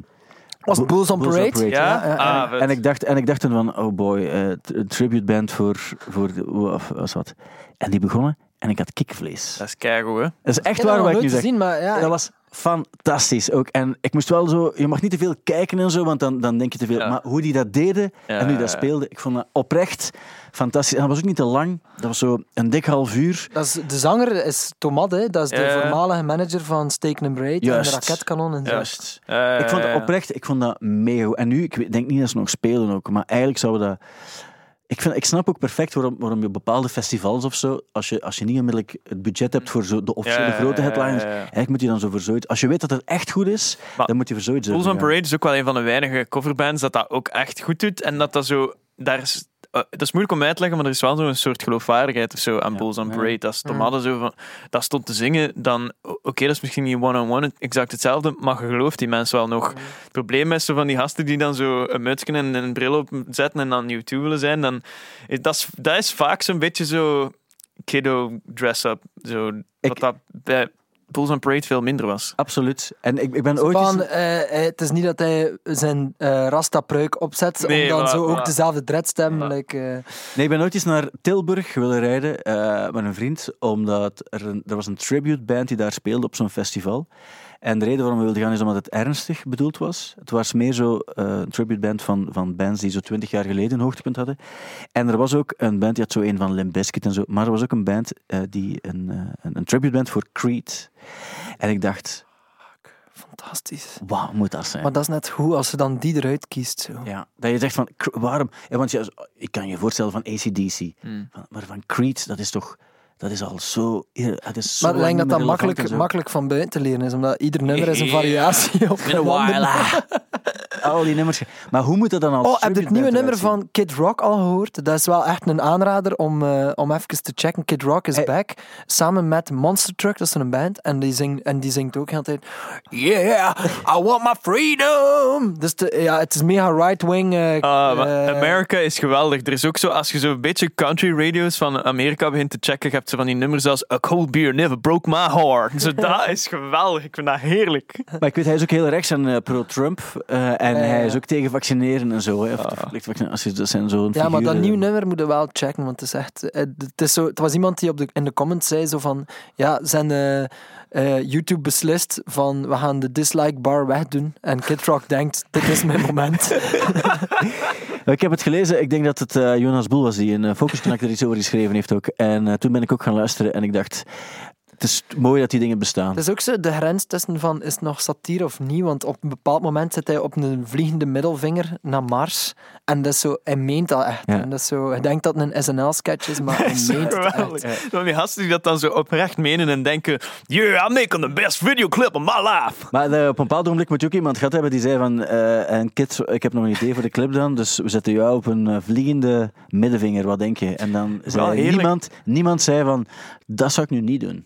Zo een Nee, team nee. van 40 man waarschijnlijk. Hè. Label en management en video en alles. En niemand die zoiets had van: Goh, Ja. Als ik, er nou als ik de clip zag, denk ik toch eerder dat het een team van drie man is en zijn onkel. En dat is misschien ook, eh, misschien ook wel genoeg. Eh, kijk, er, was veel te beleven. Weten, eh, Kraftwerk komt, maar ook Måneskin komt naar ook Werchter. Mm. En dan denk ik, En dan denk ik... number one fan zit recht tegenover mij. Misschien spelen jullie ook op Werchter dit jaar, je weet nooit. Ik denk het niet, maar ik, ik, ik denk dat het zo echt al volboekt is van alles dat ze wat er willen nog, eh, doen. ja. En eh, we hebben zo die Wer- Werchter Park live gedaan. Ik hoop, ik hoop het, hè, dat we een keer op de echte Werchter, eh, spelen. Maar die, die Maneskin of Moneskin, ik, ehm, ik moet zeggen, hé, Zet jij fan? nee, ik vind dat je, je bent milder geworden en dat stoort mij. Nee, nee, nee, wacht, wacht, wacht. Laat het mij uitleggen hoe het echt is. En ik vind ook, we gaan niet... Is er iemand van ons drie fan? Nee, wacht, wat, wat mijn mening is... Nee, Is- ik, Ik helemaal niet. Helemaal niet. Nee, wat, dat, wat dat ik denk en wat dat mij nu stoort, is dat die een bag-in cover, dat, dat, dat kun je niet maken. Dat Nee. kun je echt niet Maar, maken. maar wacht, wat ik vind is... Dus die band... Ik, ik, ik heb me in het begin een beetje druk gemaakt, omdat er mensen die niets van muziek weten, zeiden dit is, de, dit is rock and roll in 2022. Ah. Dit is de redding van de rock and wat roll. mij echt het meest gestoord heeft? Op Eurosong daar in uw leren broek staan en zeggen Rock and roll will never die! Rock and roll just fucking died in your hands, motherfucker. Wel, en dan denk ik op dat ogenblik van, ja, daar kon ik niet goed tegen. Nu is het officieel bevestigd dat die band een coverband is voor kinderen. en dan denk ik, nu, nu kan je er geen problemen meer. Ik ben ook niet tegen... Dat is net hetzelfde als zeggen, ik ben tegen K3. Waarom zou je tegen K3 zijn? Er is geen enkele reden om te... Die maken ehm formulemuziek voor kindjes. En dan denk ik, dat is toch prima, daar kan je niet tegen zijn. En dan denk ik, nu kunnen we ze juist schalen. En nu weten we van, het is muziek voor, voor, voor 14, 15-jarigen die, die, die graag eh, een soort van toneeltje zien. En dan ben ik er niet meer tegen. Ik Ja. kan wel tegen K3 zijn als ik vind dat ik zeg van je kunt, je kunt zo. Je, je wilt zo'n beetje woke zijn door zo wel mannen en, eh, en eh, transgenders toe te laten in de Ah, ja. preselectie. Maar iedereen weet dat je op het einde voor een Hollandse meisje Maar gaat wacht, kiezen. We weten dat al van in het begin. Daar ben ik het niet mee eens, want uiteraard zijn we het erover eens. Er zou iemand met kleur bij moeten zitten. Maar die gaan dat Maar- niet. ja, die maar wacht, maar als je, ik, ik heb, heb je gekeken? Eén aflevering en dat was meer dan genoeg. Ik heb een aantal afleveringen gezien, omdat ik eh, toevallig ook een 15-jarige thuis heb die opgegroeid is met K3 en die wil dat ook volgen. En toen dacht ik van ja, maar goed, als je een wedstrijd doet, moet je dan ook wel zeggen, we moeten de beste pakken. De beste voor K3 dan. En dan denk ik van ja, pff, diegene die er nu bij is voor wat dat moet zijn, is dan nu wel de beste. En dan denk ik ook van je kan... Je, je moet, dan, dan moet je gewoon zelf beslissen, we gaan geen wedstrijd doen, wat dan Ja, natuurlijk voilà. veel geld kost. dat, en dan moet je zeggen, we gaan daarvoor. En dat is dan juister. Want bij een wedstrijd moet je gewoon de beste kiezen. En, Maar denk je niet dat die wedstrijd ook veel kapot heeft gemaakt als je ziet hoe dat, eh, het beeld naar kinderen toe, hoe dat... Oké, dat klinkt nu misschien vrij preuts van mij, maar daar volg ik wel dat zo'n Gordon daar echt niet op... Hoe dat hij eh, daar tegenover staat, dat dat niet de juiste plek is voor hem om daar Ja, te maar zijn. absoluut. Dat is ook iemand die, die, waarbij ik zou denken, die heeft niet echt sympathie voor dingen die niet oer-Hollands Ja, maar ook gewoon het feit dat je denkt van ah, de wedstrijd, wat, wat ons doelpubliek is, vooral kinderen. En wat, wat denken we ervan dat we ook eh, Ingeborg, fucking Ingeborg en eh, Gordon op de, puur op de looks gaan laten iemand kiezen. Ja. En de, de- we kunnen daar dan, dan ook de, de meest horen praat laten uitslaan. Dan denk ik zo van ja, ik, heb niet gekeken, maar gewoon al de beschrijving is een beetje weer Dat is absoluut. Die, die Eh, Gordon is echt een mega eh, foute kerel. En heb ik niet over waar hij zijn, maar, maar hoe hij daar zat. En effectief puur op het uiterlijk, want dat was het, het, het foute. Op een bepaald ogenblik mochten er mensen, eh, of meisjes en jongens, mochten dan een ding doen. En je had, je had het concept, je hebt mensen die luisteren, Natalia en zo, die luisteren naar, kunnen ze zingen? En die zagen niets. En ehm dat je Gordon en, en ehm, Ingeborg. Ingeborg, die mochten alleen kijken en niet luisteren. En dan moeten die eigenlijk puur op het zicht, moeten die bepalen wat ze, er- wat ze ervan vinden. En Wow. eh, daar, daar was een, eh, een, zeer En ook fout- dat is zeer- anno 2021 goedgekeurd door een team van... Ja, maar ik snap ook wel dat het een totaalpakket moet zijn, dat Ja. klopt ook, maar je, niet op die manier. Maar hoe werd dat dan naar voren gebracht? Was dat als een soort van uitstraling en dansen? Of was dat echt Nee, van... dat was zij echt- zij de Gordon heeft echt niet? een paar keer gezegd van ja, die is fucking sexy, je moet het echt doorlaten. Ik krijg hier echt, eh, het kwam er bijna op neer dat hij er een stijm van kreeg, Ah, dat dat dan de knop mocht Maar heel. Ongemakkelijk toch, om. Zo ja, jouw uitstraling, de kleren die je draagt, ja, eh, het zijn precies vodden.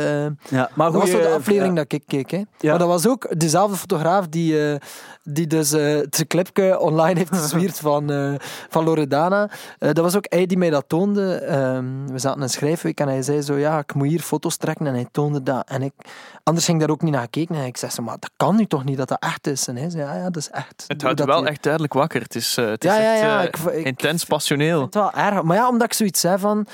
Het is, het, is wel voor, het is wel voor kinderen. En als je dan zo hoort, een interview met de winnares, en die zegt dan zo, ja, ik weet wel waarom ze voor mij kiezen. eh, de papa's, die willen ook wat. Hmm. Vind je dat nu normaal? Nee, maar oké, maar dat meisje denk ik van, ja, dit is, oh, het is die 19 of zo, die heeft geen idee wat er overkomt. Die zegt En dan moet hij nog dingen. Hert Verhulst poepen, hè. Dat staat ook in het contract. Dat is niet wel waar. Dat is de laatste aflevering, daarin zie je het ook. Gaan ze integraal uitzenden. Nee, maar eh, ze is er wel, eh, ik ben even haar naam vergeten. Eh, Julia is Julia, Julia. Ja, ja, ja. Maar ook dezelfde naam als de hond van Otto Jan. Mon eh, om even eh, terug on topic. Eh, die mannen mogen dus ook op de Grammys en zo gaan, gaan voorstellen. En dan Werchter. En dan denk ik. Nou, dat vind ik dan ook wel jammer. Want als ik daar naar luister, dan hoor ik vooral zo in vergelijking met mijn oude platen van Van Halen of Twisted Sister of Wasp of zelfs zo early 90s, Mother Love Bone, Soundgarden, dat soort dingen. Hoor ik vooral zo een heel flauw afkooksel daarvan. Eh, op heel veel vlakken. En zo het soort gitaarriffs dat Guillaume van Rio, dat is al 15 jaar mijn beste maat. En als wij 15 waren, dan schreef hij betere dingen dan wat dat Måneskin nu uitbrengt. Met Black Tolex. Ja, ja, ja. Hij Dat weet zijn, het dat nog. zijn eerst, volgens mij, maar ik ben niet zeker of dat wij in dezelfde Humo's Rock Rally Ja, poelen zaten. Nee, weet je wat grappig is? Volgens mij hebben wij eh, in 2012 Ja? ehm, met mijn andere band, nog met mijn eerste punkband, London Bullet, hebben London dus Bullet? in, in Brugge dezelfde Oh, voorronde hey, gedaan. en dat was, want onze geluidsman die was daar en volgens mij is er toen iets misgelopen, want heeft er iemand van jullie met een basdrum gegooid? Nee, dat was gewoon standaard deel van punkband zijn. Dat is echt gewoon op het einde was het zo gooien met gitaren en Ja, en versterkers was om toen, verduwen. ja, en was toen en dat onze geluidsman daar eh, dat problematisch vond en dat hij iets terug heeft gegooid op podium. dat herinner ik mij vrij goed. London, het London. Bullet. Ja. Ja. En dus, dus jij was deel van London Bullets en jij was een compact disc dummy. Ja. maar wij Ja, moesten ja. daar ook spelen. Ja, ja, ja, denk ik. 2012, bijna tien jaar geleden, de voorronde van Humus Rock Oh, Rally Rock Rally in de en- Cactus in Brugge. En Cactus in Brugge. Ja. Maar ja, het komt allemaal terug. En effectief, onze geluidsman Ditten toen, hè, dat is nu niet Ja. meer onze geluidsman, die zei van ja, één smijt daar, eh, smijt daar met een basdrum. Ik, eh, ik heb het keer schoon teruggesmeten op het podium. en ik herinner mij dat ik dat, dat, ik dat gezien en eh, nu komt dat allemaal terug. Ja, uiteindelijk. Wanneer, Dus dat was eigenlijk London Bullet, was London punk Bullet. en dan en Black dan uit die band is eigenlijk met die drummer, eh, eh, wat dan nu Simon is, de manager van onder andere Ja, Steek, ja, ja. eh, heb ik dan samen met Simon zijn broer Guillaume en Matthijs. Guillaume en Matthijs zijn, zit- hebben dan later Ria gestart, hebben wij Black Tolex gestart en uit Black Tolex is dan Ria en Milo Meskes voortgekomen. Maar- Eh, dus dat is allemaal zo wel wat, dat in dezelfde coté, ergens in West-Vlaanderen, is er zo'n goede broedplaats voor, voor, Grappig eigenlijk. Hè. voor zo de, de moment waarop... eh wacht, hoe heet het bent nu weer? London Bullet of London Black Bullet, ja. Nee, Ja. wanneer gaat het moment zijn dat jullie samen nog eens op... Dat, dat, dat, die reunie er komt? Dat, dat is Maar vraag. als je erover nadenkt, wat dat eigenlijk wel grappig is, zo de, gewoon de voorrondes van de Rock Rally, met wie dat je soms samen op... Allee, of zelfs nu pakt Ja. onze finale. Ik weet nog, wij speelden als voorlaatste de finale van de Rock Rally en achter ons speelde ene toerist. en wij zo, wij zo, wat is dat? Dat gaat echt nooit iets worden. Dat is een accordeon met zo wat Antwerps. Zo. En wij zo tegen elkaar, zo, dat, dat is toch echt niet, dat gaat toch echt niet worden. maar zo, ja, sympathieke gast. En zo. Hij is ook al eh, waarschijnlijk wat te oud om het echt nog te maken in, eh, in de muziekscene. Zo. Maar ja, dat was toen. Hè. En, dan, eh, en dan hoorde dat zo van, ja, op plaat, hè, dat is precies toch niet zo slecht. En zo. En, Ah, dat heeft wel echt nog vijf, zes jaar geduurd, toch? Tegen ja, dat hij ja, iets begon ja, te doen. effectief, effectief. Ja. Dat is toch goed, want hij was ook leraar nog, dus hij, hij twijfelde van, zou ik zo stoppen met Dat is ook zo'n gek verhaal. Hè. Dat is inderdaad zo. In het ene moment speelde die eh, in, voor 500 man op festivals, weet ik veel wat, moest er niemand daar iets van weten. En dan zo op, een, op echt twee maanden tijd is dat dan plots zo Sportpaleis, alleen niet twee maanden tijd, maar is dat zo ontploft. En dat is zo gek. Met zo'n aantal bands is dat soms echt hetzelfde met Bazaar. Ik weet dat ik daar in Café Café in Hasselt, die hebben volgens mij toen nog voor Black Tolex gespeeld, eh, voor 100 man. En dan denk ik zes maanden later hebben die een Lotto Arena of een Sportpaleis eh, aangekondigd. Ja, dat ging zo snel. Ik kan nooit vergeten, eh, een verhaal dat ik veel vertel, maar wij, wij- hij was, Mathieu was backstage, ik denk dat Pukkelpop was of zo, 2016. En, eh, en wij hadden juist gespeeld. En mensen vroegen zo'n een handtekening met, met ons, of zo'n foto. En Mathieu zegt tegen Janus, oh maar dat zou ik toch echt niet aan kunnen, ze. Dat, dat, zo, dat, dat is nu een keer echt iets waar ik niet jaloers op ben. En Janus zegt zo van, ja, hey, wacht maar vent, binnen een jaar, binnen een jaar, hey, zo, ha, ha, ha. En dat is zoiets dat ik altijd onthoud, hoe snel dat eigenlijk kan gaan. Ja, ja, ja. Het kan snel gaan. En laat ons hopen dat het binnenkort ook snel gaat eh, met de gezondheid van onze maatschappij. Mhm. Dat het snel beter wordt, dat jullie snel kunnen spelen. Ik eh, wens het jullie van harte toe, uiteraard. Ook met de nieuwe platen die dan uitgebracht kunnen worden. Want het helpt toch altijd om een plaat uit te brengen met een soort van perspectief van live te kunnen spelen. Zeker, zeker. Eh, dus we gaan het weer allemaal horen wat er gaat hoopvol. gebeuren. We blijven hoopvol, dat moeten we ook. En de komende weken zullen, tot, het einde van het jaar, ziet het er sowieso niet goed uit. En daarna hopen we op een, nogmaals op een fijn 2000. 22. Knock on zo- wood. Voilà, laat ons dat zeker doen. Milo Meskes, dankjewel om hier te zijn. Merci dat ik mocht zijn. Lennart Korvits, dankjewel om hier Ja, te zijn. dank u wel, eh, ook voor eh, de 3D-bril. Ja, de 3D-beeld die is voor jou, die mag je houden voor altijd. En eh, heel graag tot de volgende keer. Check ook onze andere podcasts, zoals Thank You Boomer, waarin Thibaut Christiaanse uitzoekt of een bepaalde artiest wel echt tijdloos mag worden genoemd. Nu in de Stubru-app.